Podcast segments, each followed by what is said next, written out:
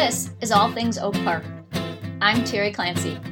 I've lived in Oak Park, Illinois for 25 years, yet there is still so much about Oak Park that I don't know, but I intend to find out.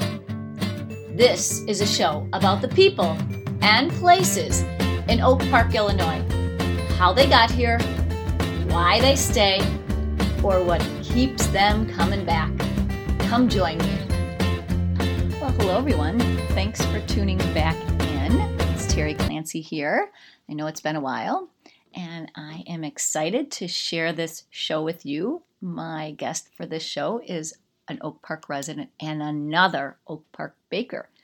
This time, we're heading over to the ownership of Spilt Milk.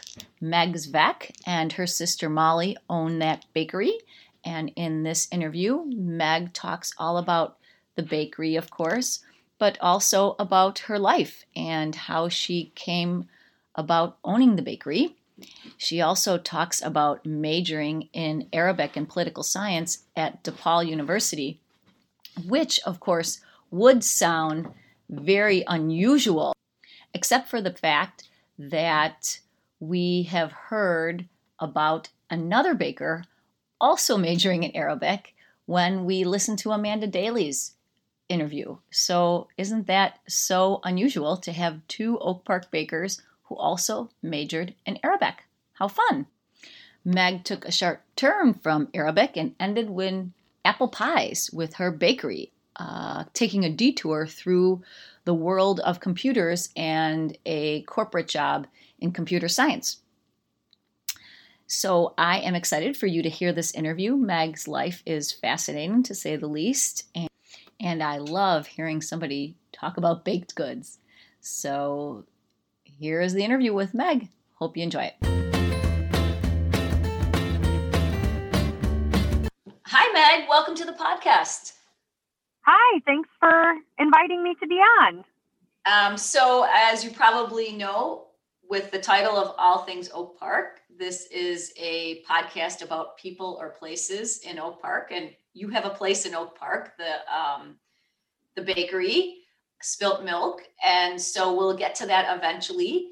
But what I'd really like to start out with is kind of where you grew up, and you know, kind of walk us through a little bit of your childhood, maybe to like a point in your life that started as a professional path forward?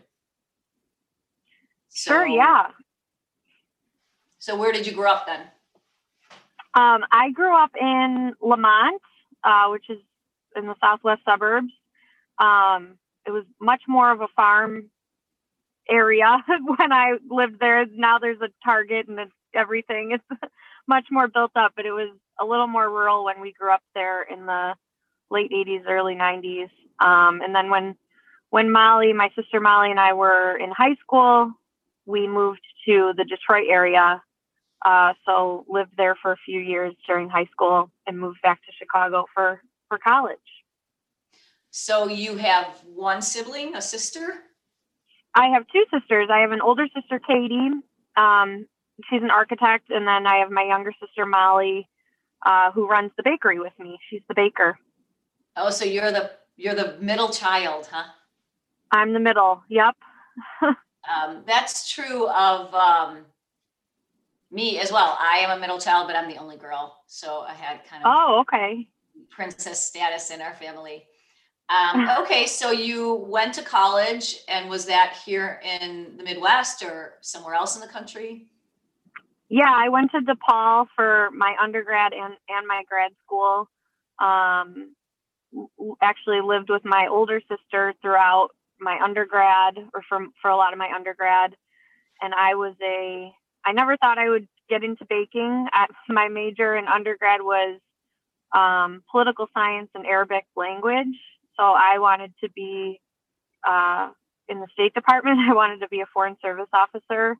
Um, and took the Foreign Service exam when I graduated, but I graduated during the recession, so no one was hiring, including the government. And um, I passed the test, but didn't ultimately get hired. So I went back to get my grad degree in uh, business information technology and went to work for a tech company. So that was how I started my career before spilt milk. Okay, so let's go back a few steps. What? You are an Arabic major? Like who becomes an Arabic major? Except for Amanda Daly. Did you know that about her? No, she was an Arabic major. Yeah, she actually worked for the State oh. Department. You guys have a lot in common. Wow, I had no idea. That's awesome. Yeah, you can call her up and speak Arabic with her and about muffins or something. That's so funny. Um, okay, so what drew you to become an Arabic and you know political science major? What what was it? One, I guess political science isn't that odd, right? But Arabic, what was it about Arabic? Yeah, well, um, that's a good question. I mean, so when I was, uh, I was in like eighth grade, I think, or seventh grade when September 11th happened. So we were, uh, like, the United States was involved in the Middle East. And I thought that if I wanted to work for the State Department or work for the government, it would be a good language to learn since we were very involved in that type of, uh, or that part of the world at the time. Um, and it's also just an interesting language, a very warm culture uh, that I was drawn to. And so I, I took the first class, like the introductory language class, when I was a freshman, just to try it out and ended up really loving it. Had a really good teacher at DePaul um, who, you know, was helped us kind of fall in love with the language, all her students. And I just stuck with it then and, and made it my major or one of my majors. So um, but I was initially interested from kind of a job security standpoint. I thought that if I learned Arabic, it would help me have a leg up to get into the State Department. Um, Did you ever yeah. travel over to the Middle East, Middle East, or study there? Yeah, when I was in college, um, I visited Amman, Jordan, and traveled around. Uh, you know, Jordan, went to Amman, went to Aqaba, saw the Dead Sea and the Red Sea and got a chance to travel around a little bit there. It was incredible, once in a lifetime opportunity. Yeah, and so did that cement your desire to continue on with your studies, or did that make you trepidatious about doing it? Oh, not at all. It it it was an incredible opportunity, and I stuck with the language studies after that, and I was determined to um, get a job in the Middle East and travel there and um, hopefully make that my career. okay, so you graduate and you said you were during the recession. Is this you mean 2008, 2009 recession? Yeah, I have lived long enough. My there, are, under- there were several yeah. recessions. I finished my undergrad in 2010. So okay the, I think the recession was like what 2008 or 2009 or so. So it was not a great time to be finding a job fresh out of college. Right. So you looked for a job that didn't work out. So then you decide to go back to DePaul. Yeah, I just um, I spent maybe six months leading up to and after graduation trying to find a job. Nothing was sticking, wasn't able to really find anything. The um, government applications I was submitting were just sitting there, not not hearing anything back. I applied to a lot of private companies, and then ultimately decided to go back to grad school and uh, see if I could, you know, get some different skills and market my skill set a little differently. So that's why I went with the business IT thing and thought I would do something in computers or IT or something like that. And that's ultimately what I ended up doing. So that was a very different major than than a language major, right? Or I suppose not if you think of computer as a language. Yeah, it was it was much you know, my undergrad is a bachelor of arts and then my master's is a science master of science. So it was kind of a switch to more of a scientific you know, course course load. Uh, but it was it was cool. It was good. It was something different, and I enjoyed it. I liked my time at DePaul and all that. So then you went off and did computer ish kind of professional work or what did you do exactly? Yeah, I ended up working for a software company um, and was ultimately a product manager for them, which basically means I helped um, design and work with teams to build. It was litigation software, so that's what I did for many years before before we open Spilt Milk. Okay, so how does one go from being a a software professional person to being a baker or a business owner of a bakery? So Yeah. what, how did can you walk me through that transition or that was it a side hustle? Were you baking at night and programming during the day or what? Yeah, so Molly was always um, on the culinary track. She went to um, culinary school and always worked in restaurants. Um, and food was a big part of our growing up too. My parents always cooked. They almost opened a bakery when we were kids. It was a huge part of our family culture, cooking and baking growing up. Molly ended up taking that path for her career, and she and I always talked about opening up up a spot of our own, a restaurant or something like that. So when she um, she moved to Chicago, when I was already working for the tech company, and she worked for a few restaurants around here. Um, she worked at Hoosier Mama for a couple of years, and other bakeries and, and restaurants around town. And then it kind of got to the point where she wanted to start her own thing. I still wanted to do that too. You know, we'd been talking about it for years, so we started um, baking for the farmers market and taking on like special event orders, and it kind of just grew and grew and grew, kind of grew into a life of its own. And um, we ended up, we we were couldn't um, it became we were baking out of a shared kitchen on the west side of Chicago, and um, we would bake overnight because that was the cheapest time to rent the kitchen space was was like the midnight to whatever it was. I don't even remember, but it was overnight. So we would bake overnight, then go sell our stuff in the morning, and then I would just work during the day. So um, it got Oh to the God. point where we were. When did you sleep?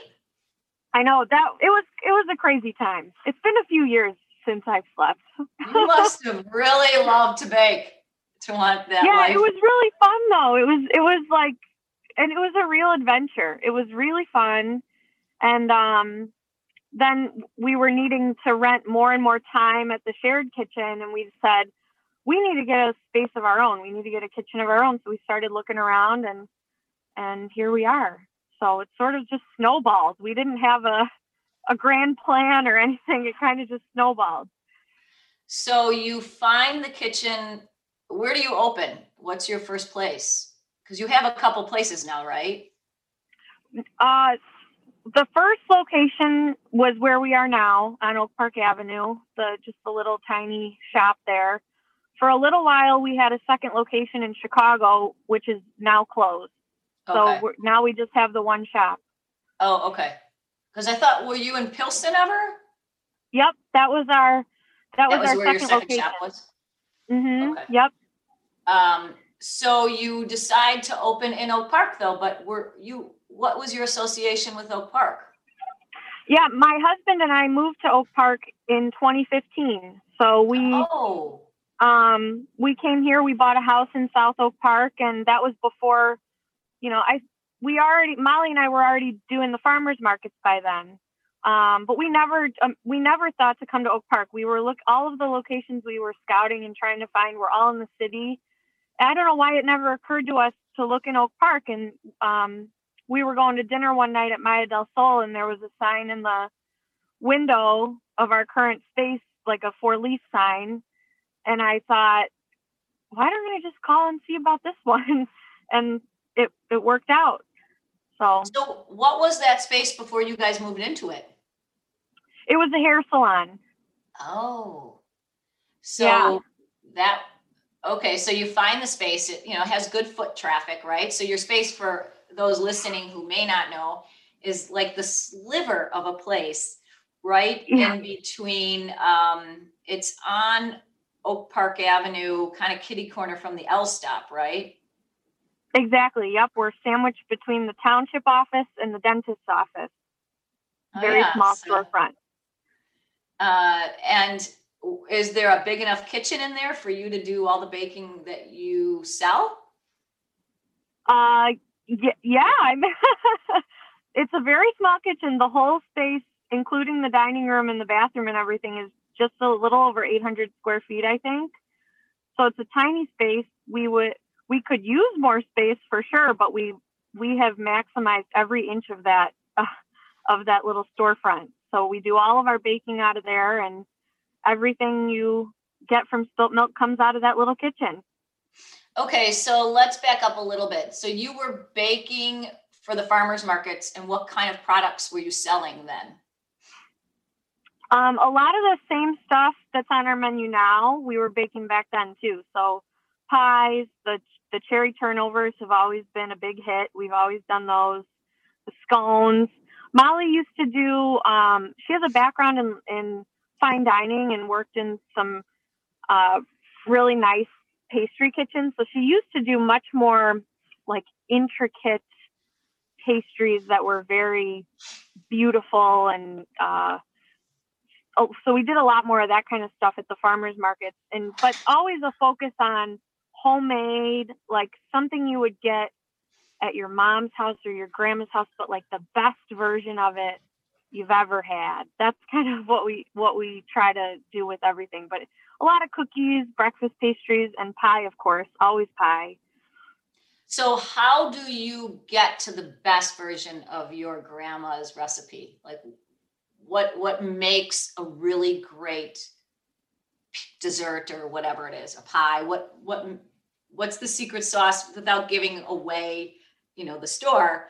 What do you think it is that makes a baked good such a good baked good? Cuz I was I just bought something from Whole Foods. It looked really yummy. You know, granted, it- whenever it's in cellophane, that's kind of a bad sign but uh still it just let you know it was not good right it's not terrible but it's not much from up from the cellophane wrapped thing i would have bought at 7-eleven so Sure. even though here it is in whole foods and no disrespect to whole foods they do sell some really yummy stuff but you know if you want to keep something on the shelf for a few days i suppose you it's never going to be as good as something that is baked right off coming right out of the oven but still, there are plenty of things out there that are really yummy that do come in cellophane.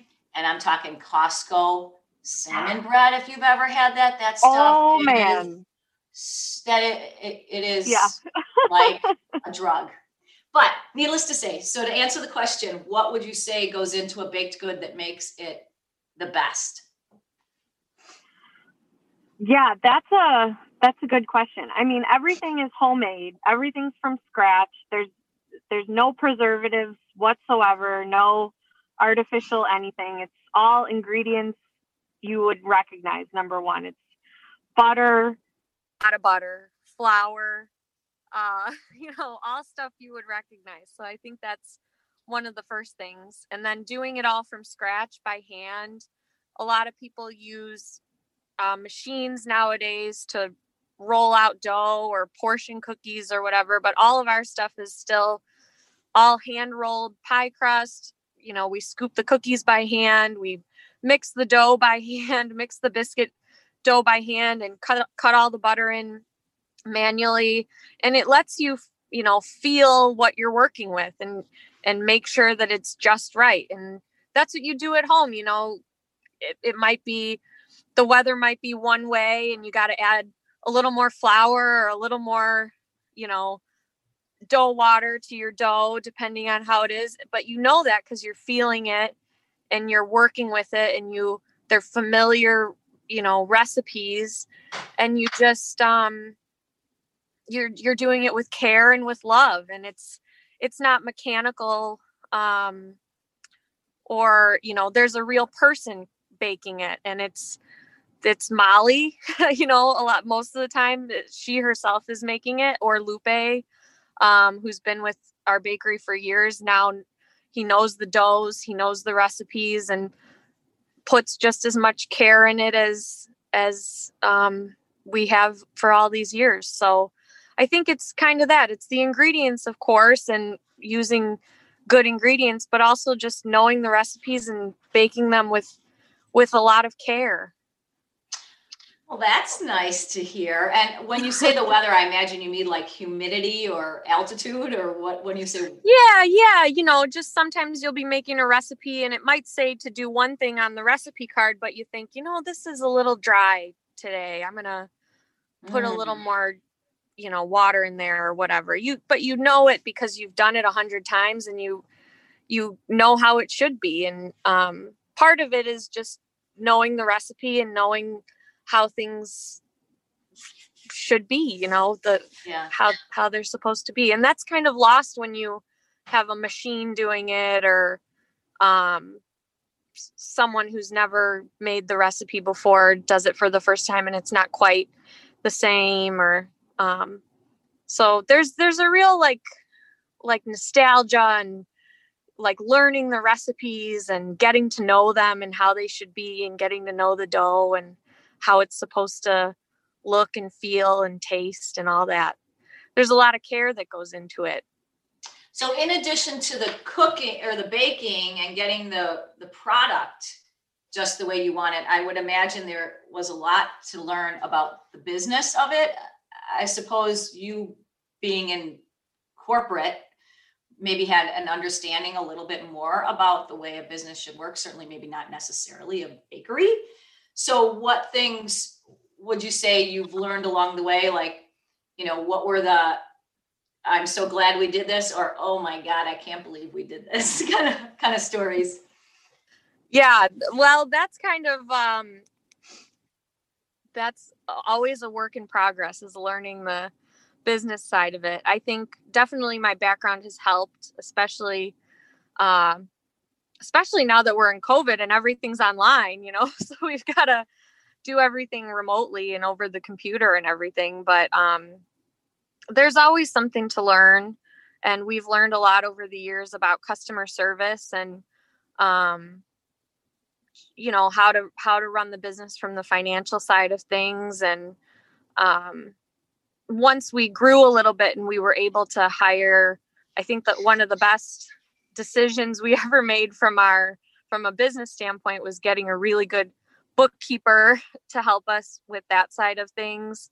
Um, and we've just gotten a little bit better over the years a little turn of the crank here and there and um, all that. But at the end it's a simple it's a fairly simple business at the end of the day. You know we're a, we're a very small business. We don't have a ton of employees. There's not it's not a complicated operation. So we try to just, uh, you know, do right by the customers and, and focus on customer service and, you know, keep things as simple as we can. So you once did grow into another sh- store. Um, eh, so I guess uh, my question is what happened with that? And mm-hmm. then, you know, perhaps it, what's is there a plan for growth in the future post COVID? So I guess the first question is what happened with the growth? You know, people always think about growing, opening up a second shop, and you know, probably a million reasons why they don't. So yeah, would, was it just a, a calculated decision because of the logistics, or is there a bigger explanation? What would you say? Yeah, um,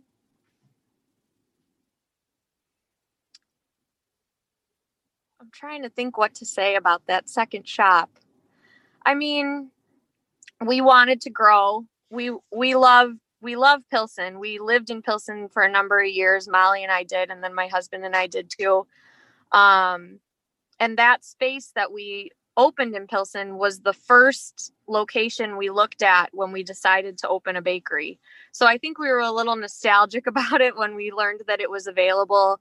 Um, we thought, how, how serendipitous this is meant to be um, that this space is now available again. And we were at a spot in the business where um, growth seemed like a logical next step. We were doing more wholesale um, partnering with like other cafes and coffee shops and restaurants in the chicago area. So we needed more space to do wholesale baking. Um, it just wasn't possible out of the little shop in oak park.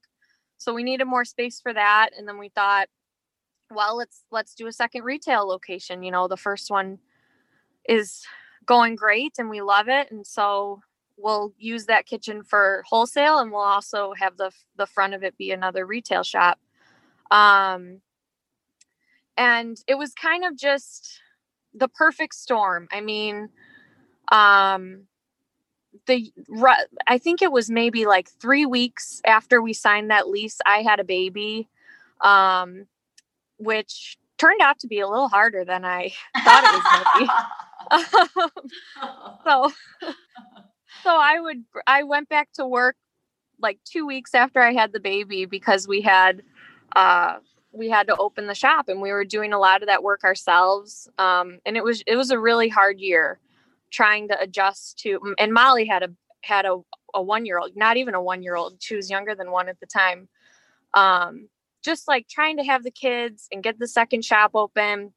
The wholesale business was growing like crazy. We couldn't keep up. We couldn't hire fast enough. We couldn't um we were doing too much of it ourselves still. Molly and i doing trying to do it ourselves. We couldn't hire fast enough.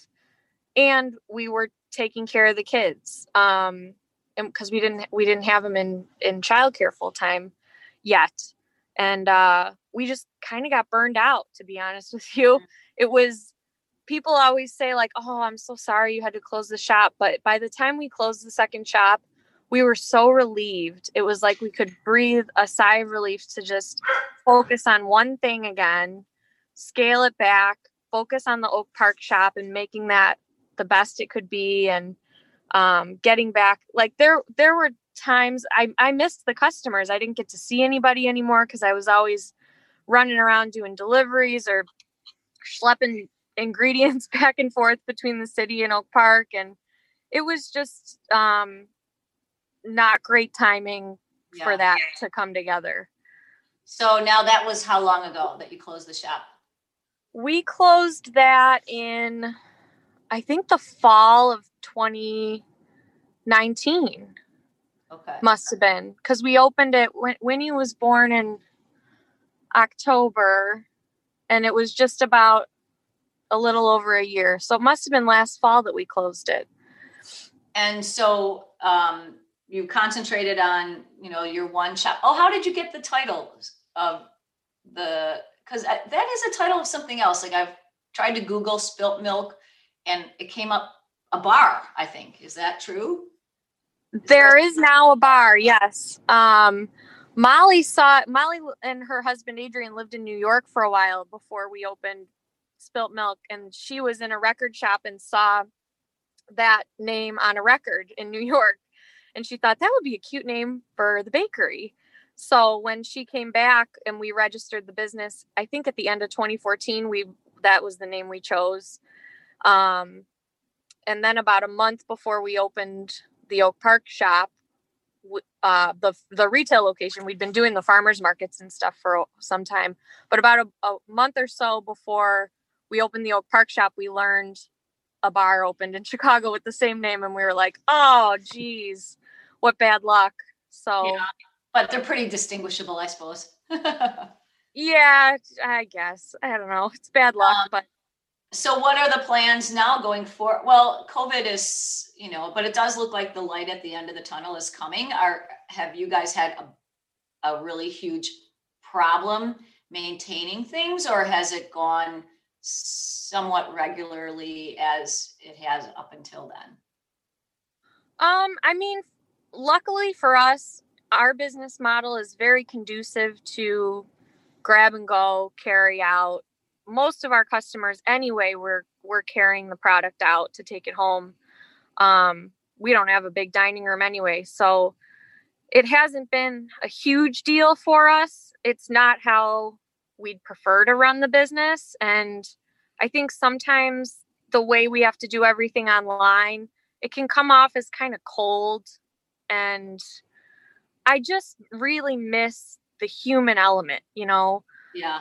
I really miss being able to, you know, have people come in and see all the pastries laid out and they, you know, get kind of a look of delight on their face and say, "Oh, what's that?" You know, tell me about this. And little kids come in and they're touching the glass and getting their little hands all over the glass and getting so excited about the cookies and the big cloud of whipped cream on the chocolate cream pie and you just lose so much of that with covid. So even though you know financially we're doing we're going to be just fine luckily uh i just really miss the human element of it because that's why we started it. And it's just not the same when you don't get to see everybody every day. Um so you know that'll i think that'll gradually come back. Yeah. It definitely feels like we there's some momentum.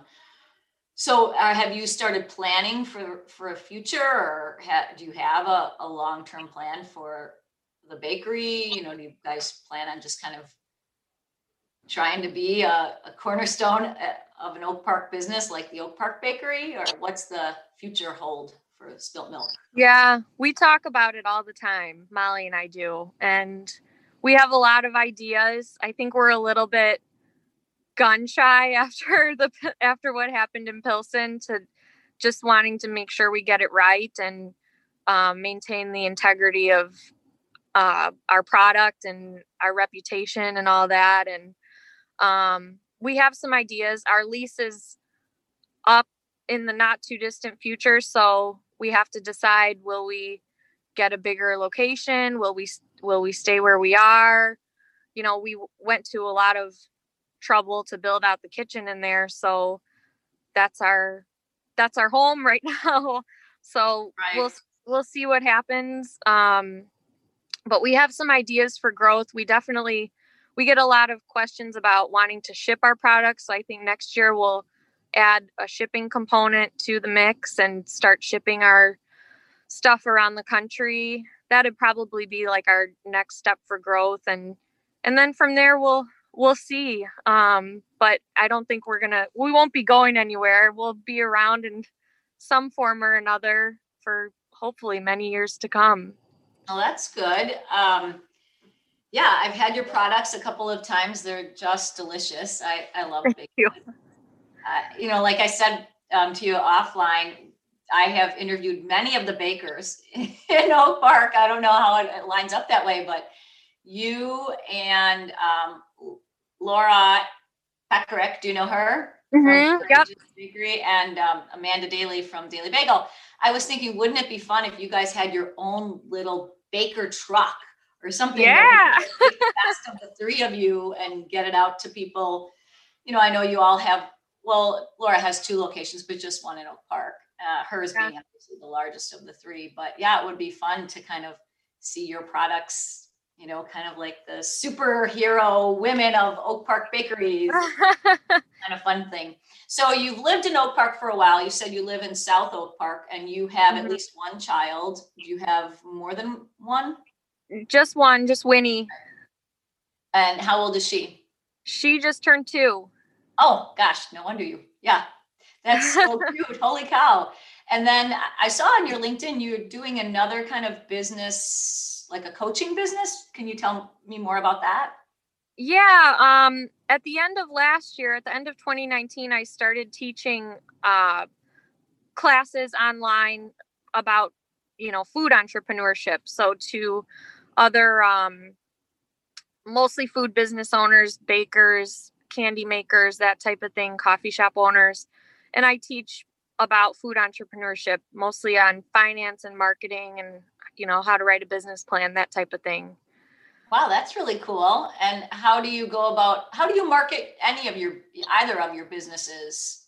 Would you say, is it more word of mouth or do you guys do some directed advertising? Yeah, for spilt milk, it's mostly word of mouth. And then we do, we try to do a lot on social media and a lot with email marketing. So most of, especially for the holidays, um, and not just, you know, Thanksgiving and Christmas are two big holidays, of course, but we try to, um, about 25% of our business is holidays throughout the year, you know, Pi Day, St. Patrick's Day, Mother's Day, Father's Day, Fourth of July. We always try to do a lot for the holidays. That's about 25% of our business every year. Um, and most of that is through email and social media. and then kind of just word of mouth and and foot traffic. Word of mouth is is a big deal in Oak Park. I think probably everywhere. So we try to do a lot with that referrals and stuff. Uh, so you have lived in Oak Park for a few years and had a business here for many years. Uh, when when did you say you first opened your business? What year? Open spilt milk. Yeah. We started at the end of 2014, I think, but we opened the storefront in 2016.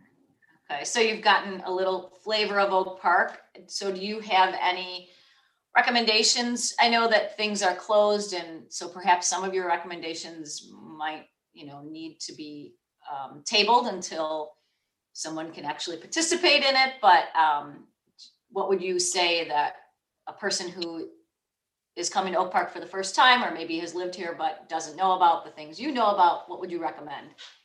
Yeah, this was a really hard question. I'm, I'm glad you told me this in advance because I've been thinking about this for weeks to try to think of what my three things were. Um, it's hard to only say three things. Oak Park has uh, like incredible food, obviously, but also just the art scene and the quirky people and all that stuff. So the three that I came up with were um, first off, the conservatory. I think it's so cool that we have a conservatory here. And um, I think the Garfield Park Conservatory on East Avenue and the Oak Park, yeah, the Oak Park Conservatory over by Rehm Park. Oh, Gar- yeah, Oak Park, but I'm confusing it with the Chicago Garfield. Yeah, yeah. yeah. Oak Park. But, but I think we're so lucky to have that here. That's so cool. Yeah, eh, Mike used to take when my kids were little. We used to go there like once a week, maybe, because you could, you know, walk around without your coat on. That was really fun, and there was always some plant that the kid kids hadn't discovered the last time we were there. And they have a nice Christmas thing sometimes. Yeah. Yeah. Yeah. I yeah, think that's a, real, that's a great spot. Yeah. Yeah.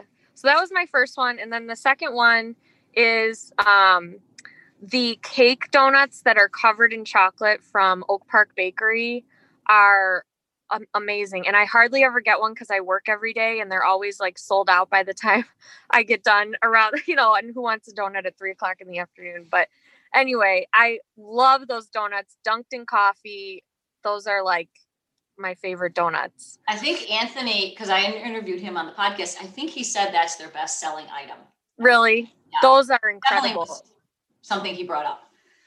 Uh, yeah. You know, and I don't know about their donuts. I mean, I'm sure I knew they had them because they're obviously on display. But my favorite thing from Oak Park Bakery is their coffee cakes. And oh, the, yeah. one I like the most is the almond filled pecan topped coffee cake. Ooh, yes. I love it. So good.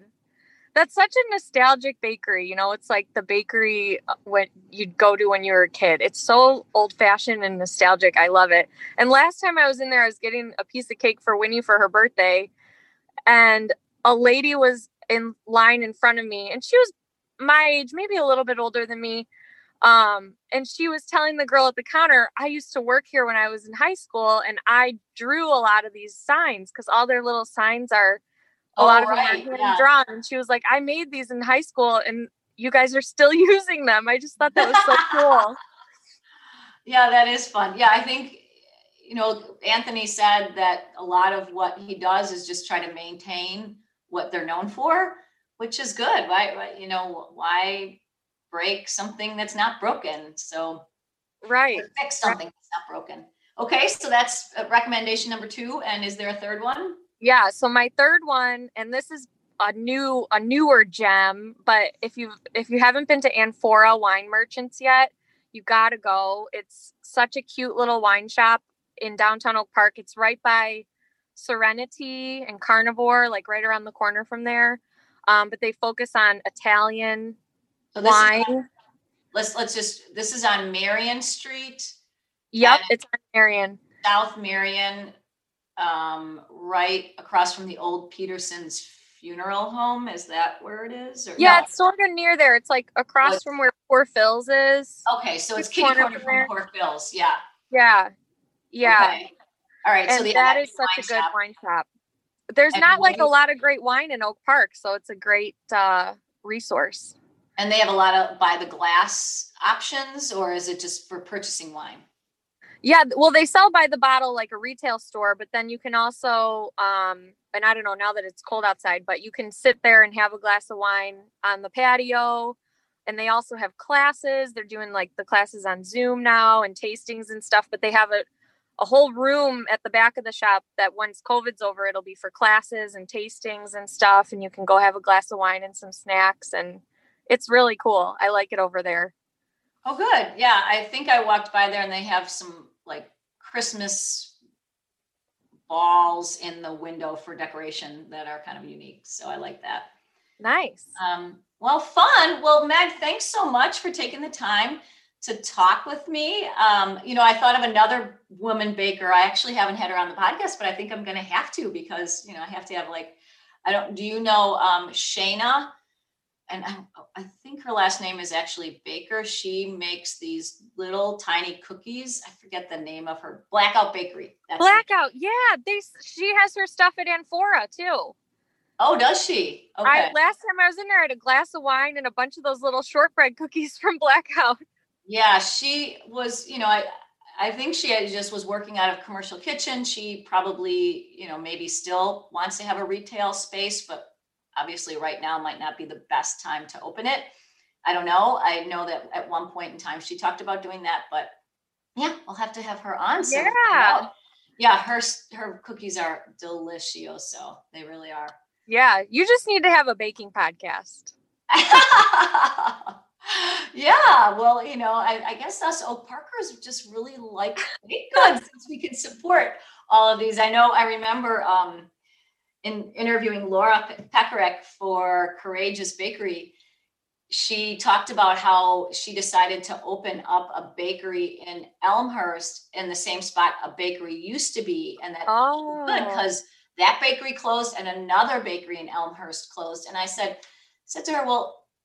I see that you see that as a good thing, but in my mind, if all the bakeries are closing in your town, what makes you think opening a bakery is a good idea? So we had a bit of a chuckle about that. Clearly, yeah. I was wrong. She was right since she's doing great.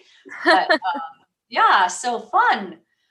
Um, all right. Well, thanks so much for taking the time and giving us your recommendations and telling us all about your life. I am sure things will just go swimmingly for you now that um, we all are seeing the light at the end of the tunnel. And, you know, I'll have to stop by and just say hi. Yeah. Buy some baked goods. Right. Well, thank you for having me. This okay. was really nice. All right. See ya. See ya. Bye. Thanks for listening. You can get in touch with me at my new website, Teresa Clancy Law. Find all my contact information there. Bye. Seize the day.